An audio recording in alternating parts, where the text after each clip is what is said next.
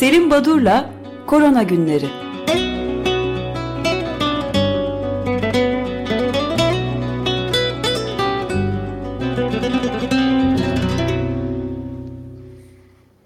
Günaydın Salim Badur, merhabalar.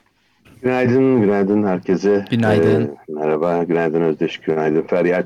Efendim Dies Natalis Domini. Ee, bugün e, bu İsa'nın doğum günü. Latince böyle söyleniyormuş kiliselerde. 24 Aralık, 25 Aralık aralarına bağlayan gece Hristiyan aleminin e, bizim de Hristiyan dinleyicilerimizin Evet, Noel gecesi. Noel ya da. Christmas'ı kutlayalım evet e. Şimdi e, e, yine üç günden beri çıkan yeni olguları e, üçe böldüğüm zaman ortalama günlük pazartesinden bu yana e, günde 626.700 kadar yeni olgu var. E, Bir süreden beri 600-650 bin e, marjında değişiyor e, saptanan yeni olgu sayısı. Yani hızıyla devam etmekte. E, e, bu arada e, tabii son 3-4 gündür bu yeni varyant e, İngiltere'de saptanan, üzerinde çok spekülasyon yapılan konu gündemde. Oraya gelmeden önce bir iki e, basından haber vereyim e, özellikle Batı ülkelerine ne oluyor. Bir kere Amerika Birleşik Devletleri'nde yaşlılarda COVID-19'a ait yeni bir klinik bulgu ortaya çıktı ki Brain Fog adı veriliyor. Yaklaşık e, 800'den fazla 65 yaş üstü e, COVID hastasında bakılmış. %28'inde zihin bulanıklığı saptanıyor. Yani bu tarz bir etkisi olabileceğini söylenmekte. Belki bu konuyu Güven Bey'le de irdelemekte yarar var. Ee, e, Avrupa topluluğu Belki de e, belki de açık 2000 gazetenin bu kadar karmaşık bir şekilde devam etmesi bende Covid geçmesinden dolayı olabilir. Beyin sisi. Ama yani sadece sizle ilgili değil Özdeş ve bana da bulaştı belki de Feryal'e hep beraber. Böyle brain fog. Haberimiz olmayabilir brain, brain, brain fog. Tabii, Asemptomatik fog. Evet tabii. Şimdi e, İngiltere'den 19 gün Amerika'dan da bir hafta sonra Avrupa e, ilaç e, birliği ya da işte komitesi EMA aşıya onay verdi. 27 Avrupa ülkesinde e, COVID-19 aşılaması tekrar başlayacak. e, yeni- hemen bir, bir arada başlayacak. E, örneğin Fransa 27 Aralık'ta yaşlılardan başlıyor. Yaşlı evlerindeki, bakım evlerindeki e, e, aşılamayla başlayacak bu kampanyası. E, dün bir rekor kırıldı Almanya'da. Almanya ilk kez 962 ölümle ölüm rekoru kırdı COVID-19'da. E, bu arada Tayvan e, işler yolunda gidiyordu. 253 gün e, Covid yaşadıktan sonra dün ilk olgu e, bildirildi. E, bir de e, Manaus bu Brezilya'daki Amazon bölgesi Science'da bir yazı çıktı ve o bölgedeki insanların yüzde 76'sı seropozitifmiş yani dörtte üçü e, virüsüyle temas etmişler. 8 Aralık'ta çıkan Lewis Boss ve arkadaşlarının bir yazısı. E, Çok yani dünyanın çok farklı bölgelerinde Evet, evet, Amazon yani e, hani belki toplumsal ba- bağışıklığa, herd immunite'ye erişmişler sayılabilir ama e, nasıl e, toplumun e, dörtte üçü, büyük çoğunluğunun e, virüsle temas ettiğini e, ve hiçbir e, önlem alınmadığını ya da e, hiçbir şekilde engellenemediğini gösteriyor. Bütün bunlar olurken Donald Trump e, kongrenin kabul ettiği 900 milyar dolarlık ek bütçeyi reddetti. Ve bunu da utanç verici bir talep olarak e, tanımladı. Ben farklı bir şekilde yardım edeceğim. Covid sorunu yaşayanlara böyle. İsraf demiş. E, şimdi e, İsraf demiş. ya. Evet israf demiş değil mi? Evet. evet. Şimdi e, bir e, e, Amerika Birleşik Devletleri deyince geçen hafta e, aç, önce sağlık programında konuk aldığımız e, Amerika Birleşik Devletleri'nden halk sağlığı uzmanı Doktor Derin Alert ondan bir mail aldım. E, kendi hastanelerinde bu CDC ve NIH'in e, önerisi doğrultusunda bütün hastanelerde o bölgedeki Kaliforniya civarındaki hastanelerde kullanılan COVID tedavisinin protokolünü göndermiş.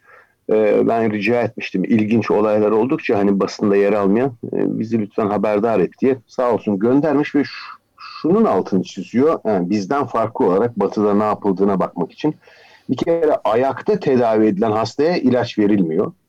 Hastaneye yatırılan ama oksijen gerektirmeyenler için de ilaç verilmiyormuş. Onun için de ilaç gerekmiyor deniyor. Ancak hastaneye yatırılan ve oksijen gereken hastalara steroid ve veya remdesivir veriliyormuş. Bu şimdi e, ilginç bir yaklaşım çünkü e, yine e, e, Doktor Derin Alart'ın belirttiğine göre ben diyor meslektaşlarımdan öğrendiğim kadarıyla Türkiye'de e, ve Hindistan'da iki yerden bu bilgiyi almış. Covid teşhisi konulan ve ayaktan tedavi edilen hastaların da e, favipiravir veriliyor bizde. Bu Amerika'da yapılmıyor e, dedi. Tabii bu konuda aslında e, bir fikir birliği e, olmaması ilginç ama Covid konusu e, gündeme geldiğinde e, bir süreden beri fark ediyorum. E, o kadar fazla e, hani evrensel kabul görmüş doğrular e, hiç de homojen değil. E, tedavi protokollerinde böyle farklılıklar var. Vaka tanımlarında farklılıklar var ve göreceksiniz belki ama e, Fransızca basını takip etmeye çalışıyorum demiştim. Bir kısmı Le Covid-19 diyorlar. Bir kısmı La Covid-19 diyorlar. Hani e, önüne taktıkları Le La'da bile bir homojenizasyon yok. Bu da garip bir şey yani. E, değil mi? İlginç. Evet. Yani e, La Covid mi, Le Covid mi onu bilemiyorlar. E, aynı durum okulların kapatılmasıyla da ilgili. E, o konuda da siz hep ısrarla e, vurguluyorsunuz. E, gerçekten e, bir homojenizasyon yok. E, ortak bir uygulamaya geçilmedi. E, hadi mutasyon... E, bu arada pardon ben bir ufak öneride ama... bulunayım. E, Le Covid doğru. E, Covid gibi evet. bir hastalık e, dişil olamaz. Güzel. Peki. Zaten dörtte üçü Le Covid'i kullanıyor ama özellikle İsviçre ve Belçika'da Le Covid de deniyor yani. Peki. E, şimdi e, e, bir konu vardı e, bu kuluçka süresi pardon e, bu kapanmanın işte dört hafta e, olması gerektiği vurgulanıyor. Bu neden dört hafta diye siz sormuştunuz. Şimdi bunun nedeni e, kapanma süresi aslında e, çok göreceli bir şey. Çünkü bir toplum içindeki e, yaygınlıkla, e, ne sıklıkla kapanma yapılacağıyla ve kapanma sonunda olası öbeklerin, grupların e, sizin filyasyon e, kapasitenize uygun olacak mı konularıyla ilintili olarak değişmekte. Ancak genellikle alınan karar kuluçka süresinin iki misli sürede kapanma etkili oluyor. Yani eğer kuluçka süresini siz 14 gün diye düşünürseniz 14 çarpı 2 28 gün yani 4 hafta kapanma en mantıklı e, geliyor. Özellikle ev içi bulaşmada göz önünde bulundurularak e, bu iki kuluçka süresinin e, kapanma süresini belirdiği belirlenmesi söz konusu. Tabii 14 gün değil de e, bugünlerde birçok ülkede e, 10 güne indirildi. O zaman hani e, 21 gün yani 3 hafta kapanmadan bahsedilebilir. E, unutmayalım ki e, hastalığın toplumdaki yaygınlığı e, göz önünde bulundurulmalı. E, kapanma mutlak olmayacağı için çünkü bazı sektörler bazı e, alanlarda çalışma devam edecek. Yine bazı gruplar ve öbekler kalacaklar. E, bunlara doğru düz bir filyasyonla kontrol alınması e, ancak mümkün olabilecek. E, yani kısaca bu e, 4 hafta ya da 3 hafta konusunun arkasındaki mantık kuluçka süresiyle ilgili ama o da çok e, göreceli bir şey çünkü e, hastalığın yaygınlığı ve kapanma sırasında siz e, bunlar zorunlu olarak çalışacaktır dediğiniz kesim nüfusun o kentteki nüfusun yüzde kaçını oluşturuyor. Bütün bunlarla hesaplanan burada da kısacası bir homojenizasyon yok. Şimdi gelelim e, bu varyant konusuna. E, bir kere e, Annal of Surgery isimli bir cerrahi dergisinde e, Kasım ayının başında mutasyonlarla ilgili bir yazı çıkmıştı. Geriye dönüp baktığımızda bu varyant konusu ele alındığında bu yazı önem kazandı. Çünkü bu yazıda ilginçtir. Cerrahi e, dergisi olmasına rağmen viroloji ile ilgili, virüslerle ilgili ayrıntılı bir takım bilgiler verilmiş virüsün davranışıyla ilgili ve deniyor ki bu virüs her ay 1-2 adet mutasyona uğruyor e, bu e, hesaplamaya göre influenza'dan yani grip etkinden iki kez e, HIV'den de dört kez daha düşük aslında. Ve genomun boyutuna baktığımız zaman mutasyon oranı aslında düşük. Baştan beri söylüyorum ben RNA virüsü olduğu halde çok daha fazla mutasyon beklenirken büyük e, sayılara ulaşmadı bu mutasyon. Çünkü toplam bir ayrıntı belki ama hani oranta bakarak e, durum daha iyi anlaşılır diye vermek istiyorum.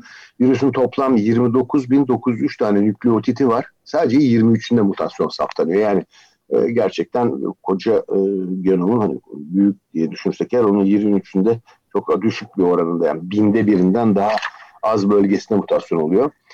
E, peki nereden çıktı bu mutant? Büyük bir olasılıkla immün sistemi baskılanmış hastalarda ortaya çıkıyor, e, oluşuyor bu değişimler.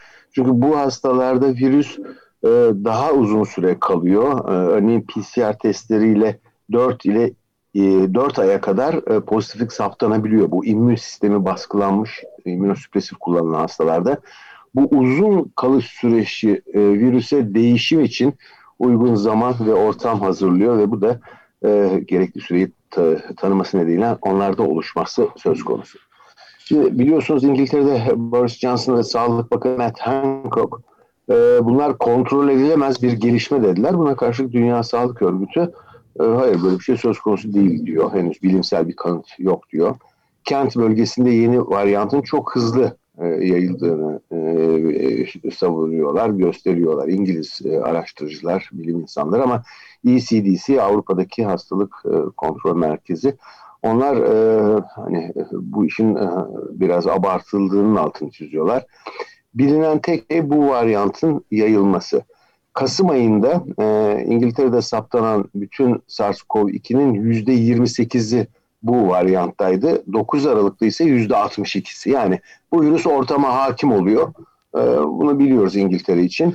Ama şimdiki veriler ya da olayın e, büyüklüğüyle ilgili e, söylediklerimiz hep epidemiolojik bulgulara dayanıyor. Virolojik bulgular henüz yok.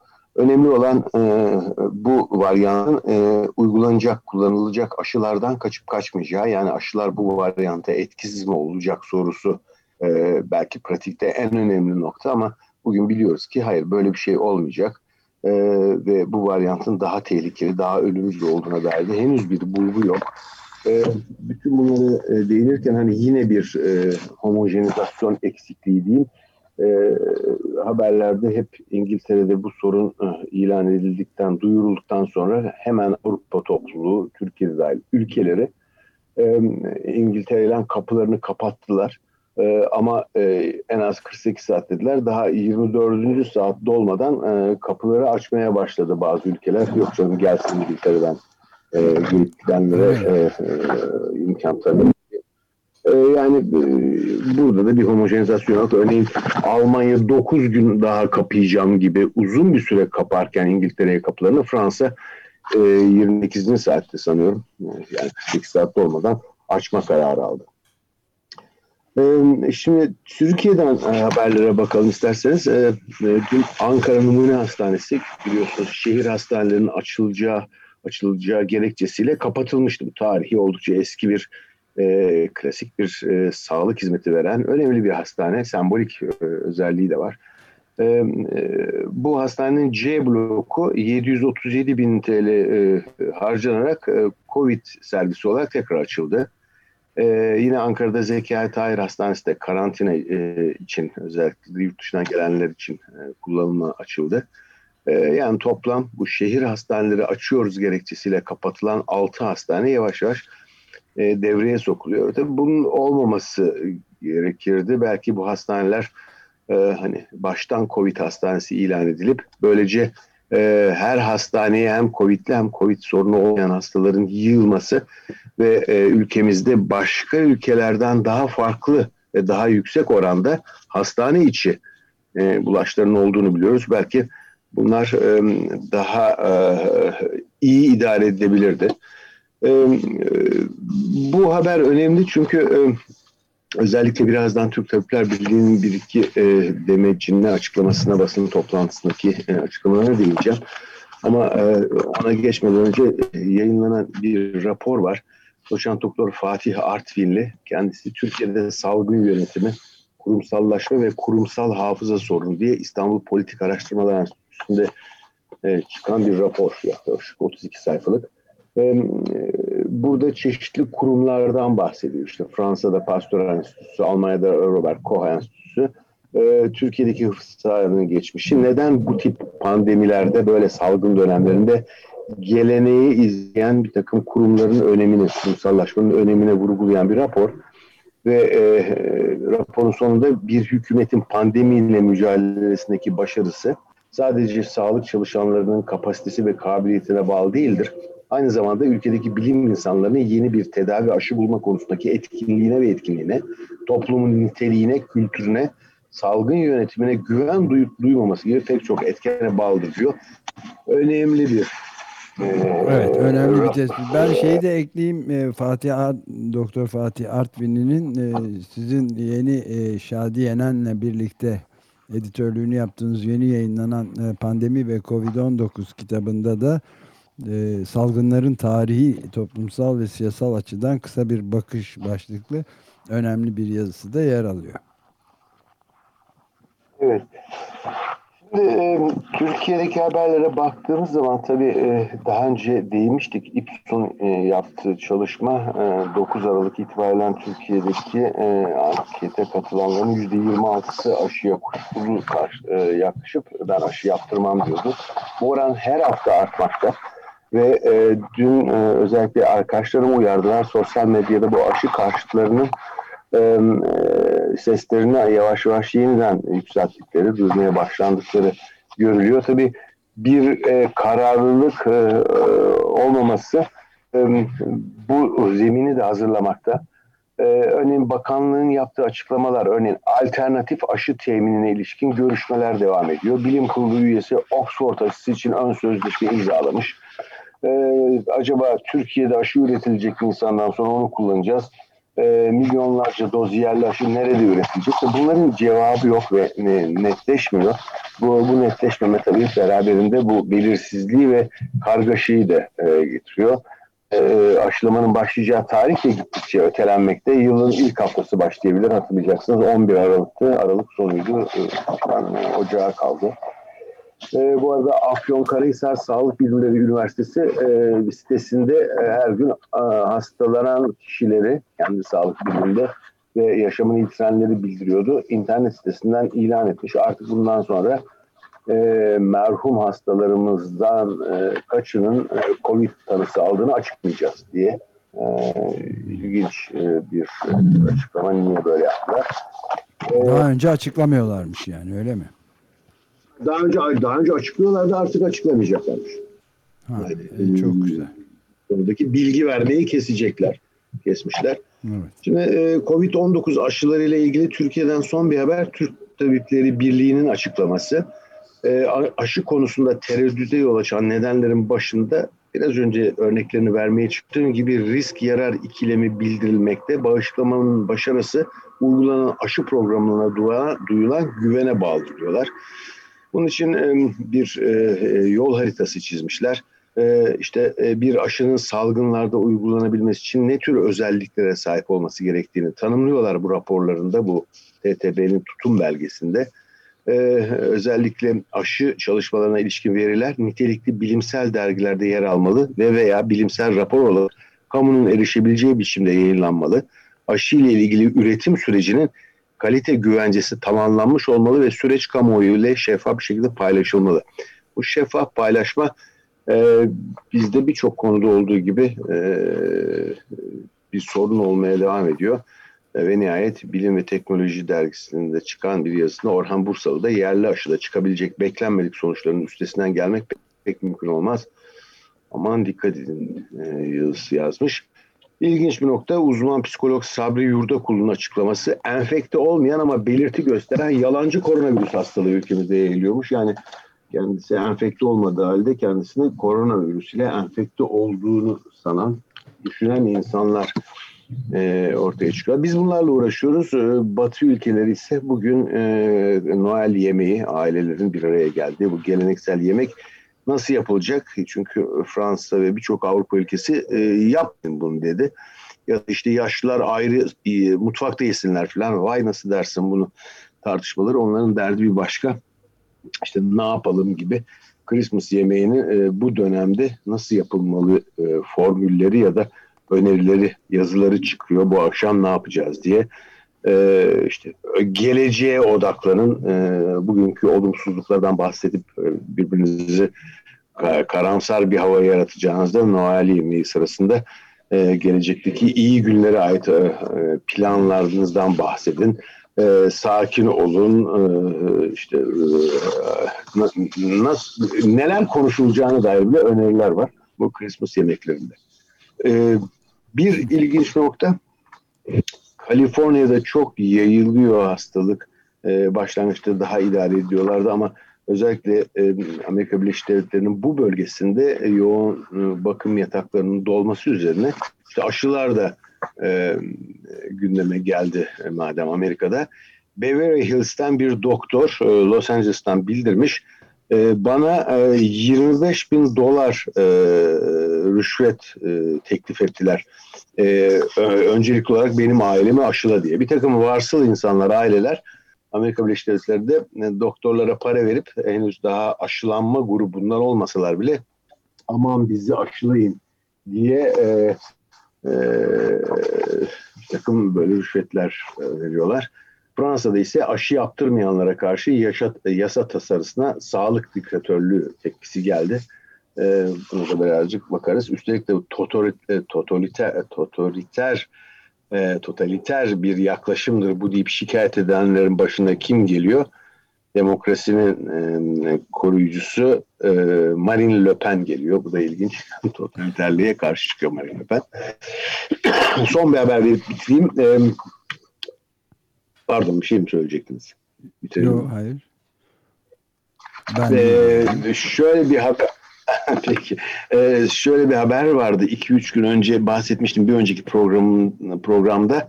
Ee, özellikle e, insan genomunun içine entegre olan, içine giren ve oraya yerleşen virüsün genetik materyali bu belki de kronik hastalıklara yol açabilir gibi bir laboratuvar bulgusu vardı. Bu bir, hakem denetimden geçmemiş bir e, bir yazıydı.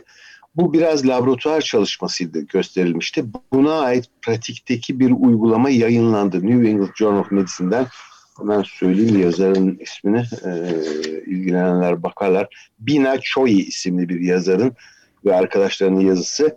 Özellikle immün sistemi baskılanmış hastalarda e, az sayıda hastada bunu gösterdiler. Yani e, immün sistemi baskılanmış ve bir grup hasta diyelim immün sistemi yeterince iyi, sağlıklı çalışmayan hastada demek ki e, COVID-19'un kronikleşmesi söz konusu olabilir. Hem e, deneysel çalışmalarda hem de pratikte hastalar arasında bu durum gösterilmiş oldu. E, bu ilginç bir gelişme. E, yani işin e, daha da karışık bir hale gelmesine yol açabilecek. Ben burada durayım. Sanıyorum durmam lazım. Sürem doldu ama yarın önce sağlık programında bilim kurulu üyesi Ateş Kara'yı ağırlayacağız. Eğer son anda kendileri bir e, e, sorunları çıkmazsa e, konuğumuz e, Hacettepe Üniversitesi Pediatri Anabilim Dalı öğretim üyesi Ateş Kara olacak. Evet ben burada Çok durayım. Şimdiden ederiz. hem e, Noel'inizi tekrar kutlayayım hem de iyi hafta sonuna dileyim yarın. Görüşmek Teşekkür üzere. ederiz. Önce sağlıklı görüşmek Teşekkürler sağ olun.